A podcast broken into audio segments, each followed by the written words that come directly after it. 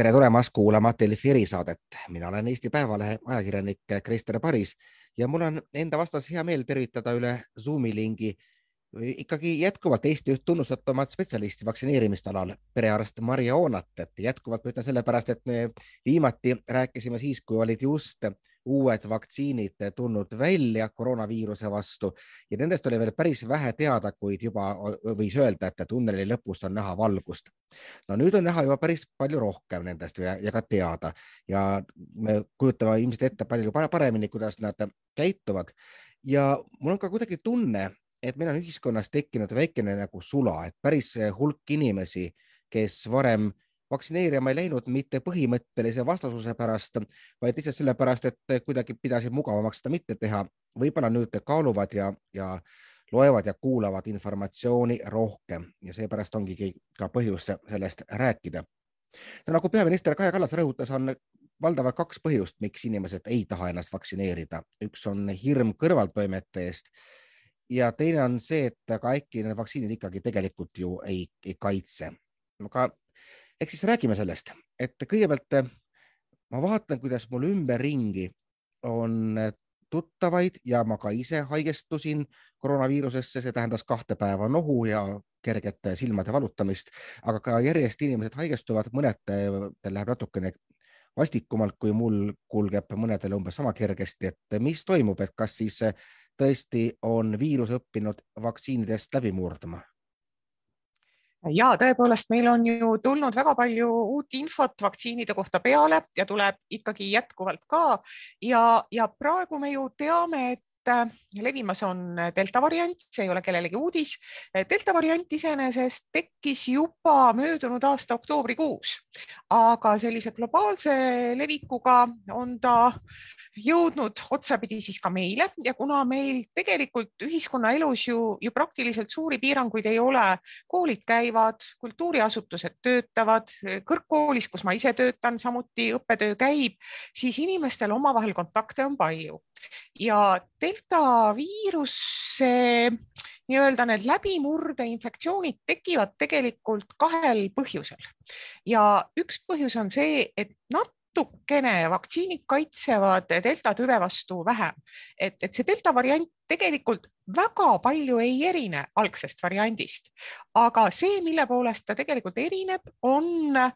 võime, mis annab talle ka väga palju kiirema paljunemise võime ja tänu sellele ka palju tõhusama levikuvõime. nimelt ta suudab inimese rakkudes nagu ühe etapi võrra kiiremini paljuneda, et see annab talle nagu turbokiirenduse ja kuna ta paljuneb lihtsalt niivõrd massiivselt ja kiiresti, siis ka see läbimurde infektsioon võib kergelt kergemini tulla. haiguse enda peiteperiood on muutunud ka lühemaks eh, võrreldes varasemaga ja, ja see eh, tähendabki seda, et, et nii-öelda see immuunsüsteemi käivitumine, kui sellest esmasest vaktsineerimisest on juba möödas rohkem kuid, võtab natukene rohkem aega. aga mida me tegelikult nagu ka näeme noh,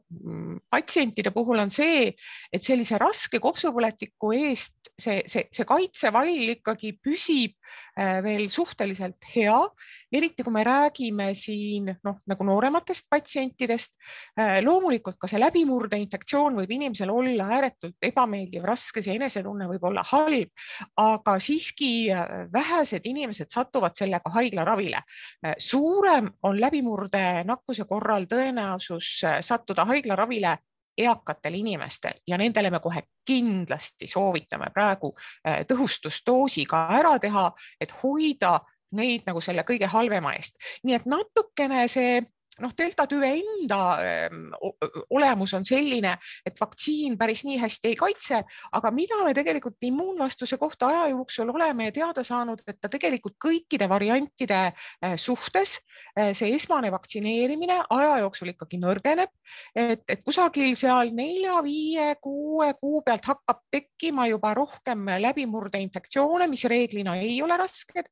aga aga noh, ütleme see, see päris kohe vaktsiini manustamise järgne kõrge antikehade tase aja jooksul siiski pisut väheneb ja noh, siit tuleneb ka soovitus teha siis tõhustusdoosi ja eelkõige nendel, kellel on siis raske haigestumise risk alates kuuekümne viiest aastast aga ütleme need, kes ei tee, kas see, et sul on kunagi tehtud vaktsiin, tähendab ikkagi seda, et organism mäletab, missuguseid kaitsekehasid toota igavesti, et ka, ka ütleme ka, ka viie aasta pärast, kui viirus ründab, siis tegelikult noh, organismil ei lähe väga kaua aega, et need antikehad uuesti valmis teha elame-näeme, nakkushaigused on selles mõttes tegelikult päris erinevad, et, et see uus koroonaviirus SARS-CoV-2 pakub meile igal ajamomendil natukene jälle midagi uut, mida me teada saame. et ma usun, et viie aasta möödudes me oskame sellele küsimusele ka vastata. hetkel jään sellise kindla kõneviisi vastuse võlgu. just on olnud ka juttu, et, et kui tulevad uued viirustüved, siis võiks toota ka erinevaid vaktsiine selle vastu ja et eriti näiteks mRNA viiruste puhul ei tohiks see üldse väga ka keeruline olla, natukene siis, siis kalibreerida vaktsiinide vastust, et kuivõrd me teame, et üldse nüüd maailmas ollakse just spetsiifiliselt delta variandi vastu te tegelemas? ma kogu selle ravimiarenduse nii-öelda köögipoolega ju väga kursis ei ole, et iga, iga firma on, on äh, siin, siin nagu oma mõtteid mõtlemas. Äh, tegelikult see delta variant võrreldes selle päris algse niinimetatud Wuhani variandiga ei olegi väga erinev, kui me vaatame nagu seda, seda antigeenset poolt, et, et konkreetselt siin, siin vahepeal levinud alfa tüvi või see UK tüvi oli tegelikult palju erinevam ja selle suhtes küll tegelikult töötati välja noh, konkreetselt just nimelt sellele tüvele sobivat vaktsiini, ainult et see tüvi kadus ise ära, delta tüvi suutis ta välja äh, nii-öelda tõrjuda just nimelt tänu oma võimele kiiremini paljuneda. Aga neid noh, kui me vaatame nagu seda viiruse enda no seda ogavalku või ka, või ka seda piirkonda, mis just nimelt nagu seostub meie rakkudega, siis, siis tegelikult seal on üsna vähe aminohappeid ära muutunud, et, et, et selles osas noh, probleem ei ole mitte niivõrd selles, et, et need antikehad ei tunneks seda delta, delta viirust ära või seda delta varianti ära, vaid lihtsalt selles, et see delta variant paljuneb noh, nii, nii hoogsalt, et, et see immuunvastus ei jõua noh, tingimata alati järgi. teeme siis selle ka selgeks, selgeks, et delta viirus lihtsalt paljuneb kiiremini ja delta, vabandust, delta variant nakkab kiiremini äh, ja paremini ja, ja paljuneb hästi, aga ta ei ole oluliselt nagu surmavam, ta ei ole, ta ei tee, ta ei tee inimesi haigemaks kui need äh, teised variandid. natukene teeb, sellepärast et kui me vaatame noh, üks asi on nagu kogemuspõhine ja, ja, ja, ja, ja meie patsientide hulgas on olnud ka selliseid noh, ikkagi nooremapoolseid inimesi, kes on olnud vaktsineerimata, haigestunud delta varianti ja, ja, ja päris noh, raske Äh, kopsupõletikuga põdenud, aga äh, kui, kui me vaatame nagu mujal maailmas tehtud uuringuid, siis on selliseid ka, mis, mis ikkagi näitavad, et haiglasse sattumise tõenäosus on umbes kaks korda suurem, kui oli nüüd äh, nende varasemate variantidega. nii et ta ei ole muutunud tingimata leebemaks ja, ja viirused ei pea muutuma tingimata aja jooksul leebemaks. viiruse jaoks on oluline see, et ta jõuaks ühelt inimeselt teisele levida ja ütleme, see selle raske haiguskulu tekkimiseni inimesel on see, see üks nakatunud inimene ikkagi jõudnud nii paljusid enne seda juba edasi nakatuda, et viirusele ka see variant sobib väga hästi, et, et et see, see agressiivsemaks muutumine ei ole praegu tema levikut äh, takistanud. ühesõnaga, et, et, et ta viirusele piisab, kui ta suudab ennast piisavalt palju teisi nakatada ja siis võib ka algne peremeesorganism ära surra tema jaoks. jah, kui seda, kui seda viirust on jõutud enne seda piisavalt levitada. üldiselt need viirused, mis äh, tapavad äh, enamikku oma äh, nendest nakatunutest, sellisel juhul see inimene jääb tavaliselt kohe haigeks ja, ja ei levita viirust noh, enne seda, kui ta haigeks jääb. ja, ja need, need viirused reeglina ei ole väga head levijad, aga kui me räägime nüüd praegu sellest uuest koroonaviirusest, siis tema tegelikult hakkab nakatama, noh, ütleme, see nakatunud inimene hakkab teistele seda viirust edasi levitama levitama juba enne, kui ta iseennast haigena tunneb, et see on kuskil kaks päeva peiteperioodi lõpust, ta võib juba hakata teisi inimesi edasi nakatama, siis ta ei tea, noh, ta, ta on, ta jääb küll haigeks, aga ta ei tea seda, et ta jääb, jääb homme haigeks, jah. No räägimegi siis inimeste nakatamisest ka nende puhul, kes on vaktsineeritud. et kui me vaatame nende argumente, kes näiteks on praegu vastu sellisele vaktsiinipassi süsteemile, siis üks noh, põhilisi sõnumeid ongi see, et aga noh, kuna ju viirusekandjad ka nakatavad, siis tegelikult see ei aita kaasa kuidagi sellele eesmärgile, et pidurdada viiruse levikut. Ja järelikult on need piirangud ka, ka mõttetud, et kuidas siis selle viiruse levitamisega on, et ma vaatasin, et Krista Fischer tõi välja, et nagu matemaatilised mudelid näitavad, et just nagu peaks vaktsineeritu ka siis, kui ta haigestub, nakatama teisi üldse ainult kahe-kolme päeva jooksul, et mis muu teadus selle kohta ütleb? no muu teadus ütleb tegelikult selle kohta seda, et vaktsineeritud inimene, kui ta haigestub, ta võib ikkagi teisi nakatada, aga me teame juba seda, et kui omavahel on koos vaktsineeritud inimesed, siis tõenäosus, et keegi nendest raskelt haigeks jääb, on ikkagi oluliselt väiksem, kui, kui omavahel on koos vaktsineerimata inimesed ja vaktsineeritud inimene tõepoolest mm, kannab seda viirust enda limaskestale lühemat aega ja, ja see viiruse paljunemine on ka pärsitud, aga siiski ma pean ütlema ka seda, et see, see võime nii-öelda seda, seda kerget nakkust vältida, et see aja jooksul siiski nagu väheneb, et, et tõhustusdoos võiks siin, siin tegelikult anda äh, ka oma kasulikku efekti. Äh, aga jah, kokkuvõttes vaktsineeritud inimene nakatab äh, teisi siiski vähem kui nakatunud vaktsineerimata inimene ja pealegi vaktsineeritud inimesed minu kogemuse järgi üldiselt on ka oma tervisekäitumise suhtes siiski ju, ju hoolsad, et, et me ei saa öelda, et nad nüüd oleksid hooletud ja ja, ja, ja, ja, ja hirmsasti käiksid teisi ringi nakatamas, kui nad noh, ise kahtlustavad endalt seda haigust või ma näen ka praegu seda, et, et vaktsineeritud inimesed, kes teavad, et on olnud lähikontaktsed, väga korralikult jäävad ise mõneks ajaks kodukontorisse tööle, kui neil see võimalus on, piiravad oma kontakte, et see on ka mõistlik noh,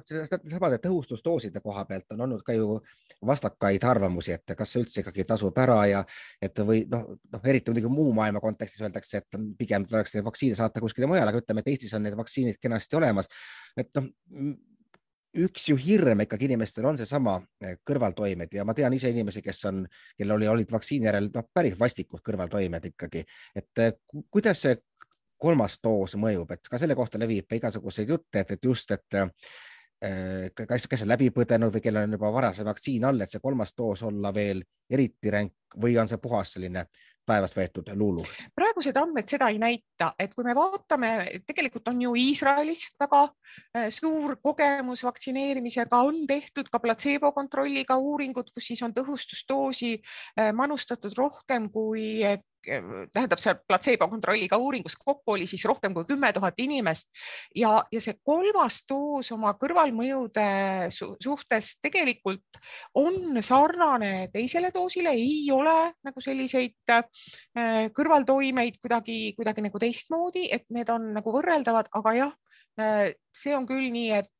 et võib olla nii, et inimesel näiteks äh, esimese doosi järgselt tekkis kõrvaltoime, teise järgselt võib-olla nii väga ei tekkinudki, kolmanda järgselt jälle palavik tuleb, et noh, selleks peab ikkagi äh, valmis olema. aga nüüd, et äh, et, et kui inimene, kes on näiteks tõesti kuuskümmend viis aastat vana, seitsekümmend viis aastat vana, kaheksakümmend viis aastat vana, kaalub endale tõhustusdoosi tegemist, siis igal juhul tuleks seda teha ära, et et, et see kõrvaltoimete ja kasurisk on omavahel igal juhul eh, kasu suunas. ehk siis nagu otse öeldes, kui muidu on ikkagi see, see läbimurde infektsiooni võimalus olemas, ikkagi võimalik suhteliselt vastikult haigeks jääda, siis tõhustusdoosi puhul võiks olla suhteliselt kindel, et üldse ei haigestu eh, no siin elus on ainult äh, kaks kindlat asja, surm ja maksud, eks ju.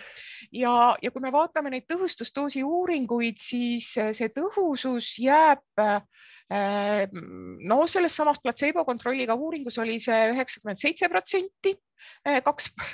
kaks pool kuud peale, peale vaktsineerimist, nii et et see tõhusus ikkagi jätkuvalt on jällegi väga hea. Ja Iisraeli kogemused näitasid seda, et noh, et keskeltläbi äh, nakatumise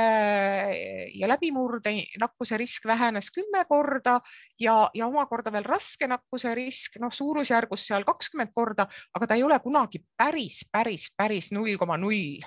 äh, see, see risk, et mingi väike risk ikka jääb, aga seda saab väga oluliselt äh, vähendada no just nimelt, kui absoluutselt. eelkõige esimeste doosidega, et, et ma, ma ikka tahan väga nagu südamele panna, et, et tõhustusdoos on noh, nagu selline natukene väike nagu selline täiendav abi ja kaitse, aga kõige olulisem on see, et meil oleksid noh, inimene kaitseks ennast selle esimese, esimeste doosidega oota, millega neid tõhustusdoose tehakse, et kunagi lugesin ühte artiklit, kus öeldi, et, et näiteks see, mis on need adenoviiruse põhised vaktsiinid, et nendele nagu kolmandat doosi otsa panna ei saagi, et organism hakkab vastu võitlema, peab siis andma nagu teistsugust või kuidas see praegune arusaam on mm? -hmm. jah, adenoviirussektor äh, vaktsiinidega ongi nii, et tegelikult immuunsüsteem õpib selle adenoviiruse ka ju ära ja see tähendab seda, et enne saab see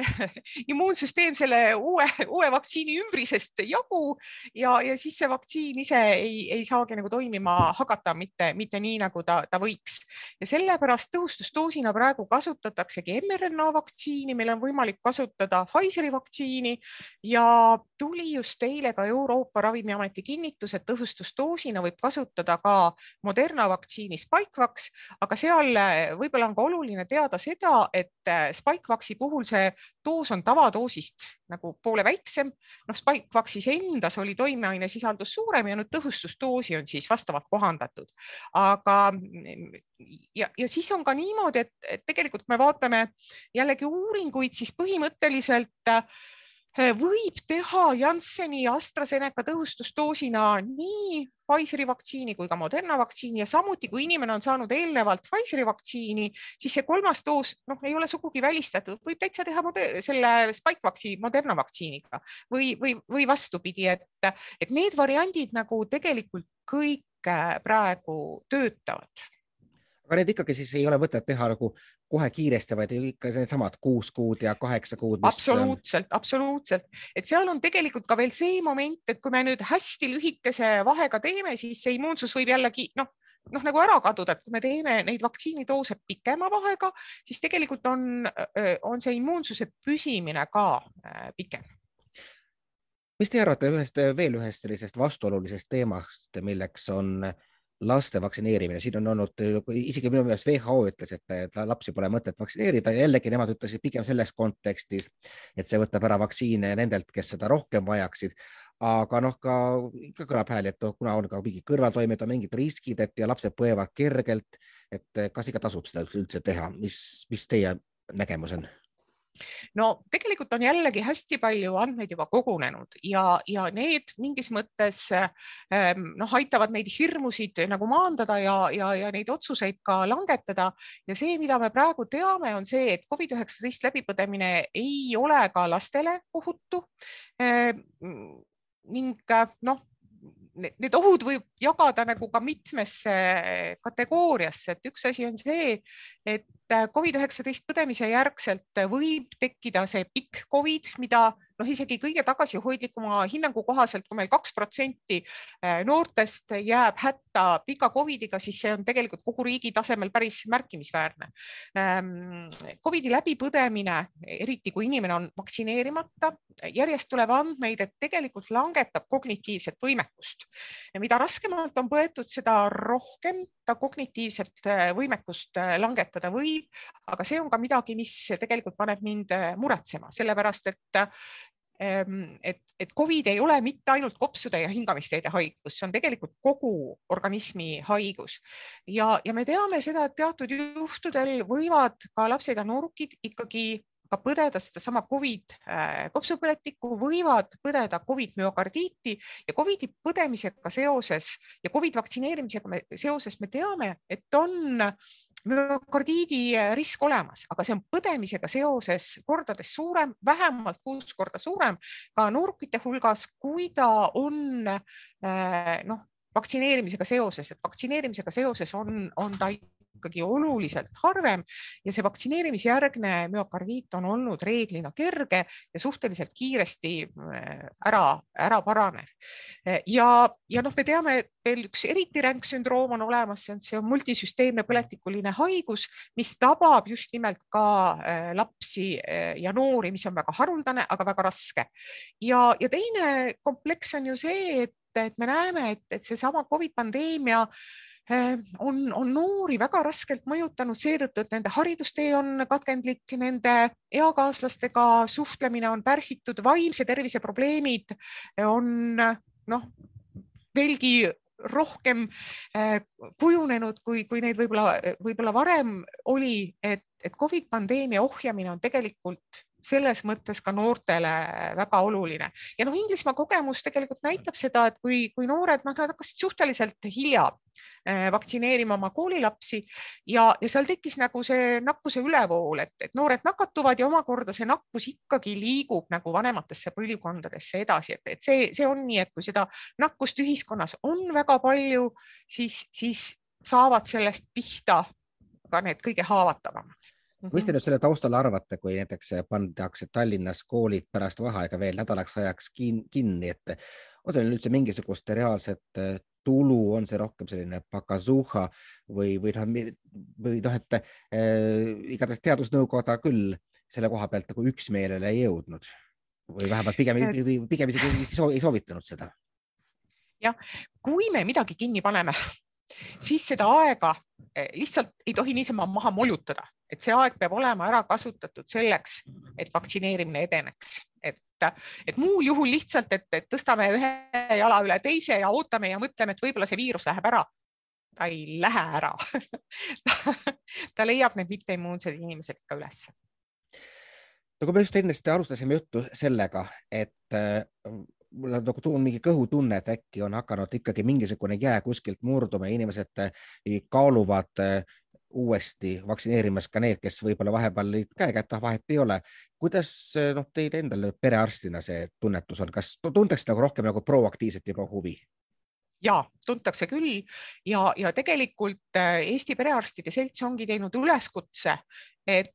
tulla nüüd vaktsineerima, me oleme äh, tõesti korraldanud oma tööd ümber selliselt, et, et meil oleks võimalikult palju läbi võimalik viia neid vaktsineerimisi enda äh, perearstikeskustes ja eelkõige ootamegi vaktsineerima siis neid inimesi, kes ei ole varem vaktsineeritud ja samuti tõhustusdoosile kuuekümne viie aastaseid ja vanemaid inimesi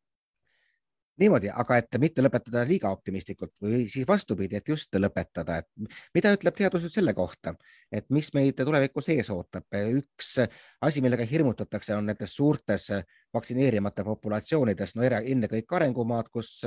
tõesti on vaktsiine veel väga-väga vähe on see, et mida rohkem võimalusi levida ja, ja otsida nii-öelda paremat evolutsiooniteed, seda ohtlikumaks või uhkemaks võib viirus muutuda. mingid tüved ju peale deltat on tulnud, lamb, lambda vist ja kam, gamma ja, aga nad ei, kuidagi jäid sinna kuskile niimoodi, vähemalt siiamaani pole väga Euroopas hakanud samamoodi tegutsema nagu, nagu delta, et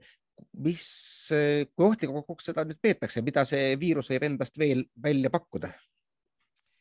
Noh, viirus võib alati midagi välja pakkuda, aga, aga kõik need vahepeal tekkinud sellised huvipakkuvad variandid, et, et nendest ikkagi rullib delta üle. et äh, praegu ei ole see uus koroonaviirus suutnud nagu ähm, noh, et, et ta on ennast lihvinud kogu aeg nagu paremini levivaks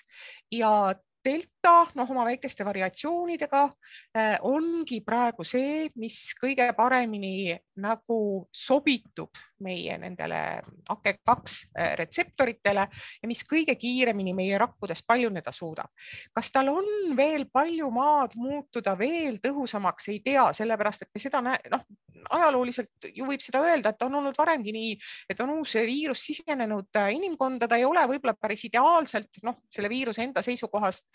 alguses noh, noh olnud ja, ja ta mingi aeg noh, muteerub selliseks, et tema see fitness on nagu kõige parem, et kas see, see delta ongi see fitnessi maksimum või mitte, selle osas tegelikult teadlased praegu vaidlevad, et on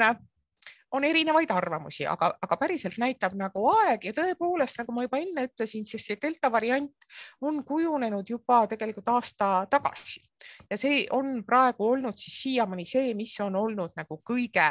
kõige ja mis, mis on nagu jäänud ka. No loodame siis meie kõigi huvides, et tegemist on koroonaviiruse evolutsiooni tipuga ja midagi hullemat sealt enam ei tule no ka suur aitäh, perearst Maria Oona, mina olen Eesti Päevalehe ajakirjanik Krister Paris ja jälle kuulmiseni siis uutes erisaadetes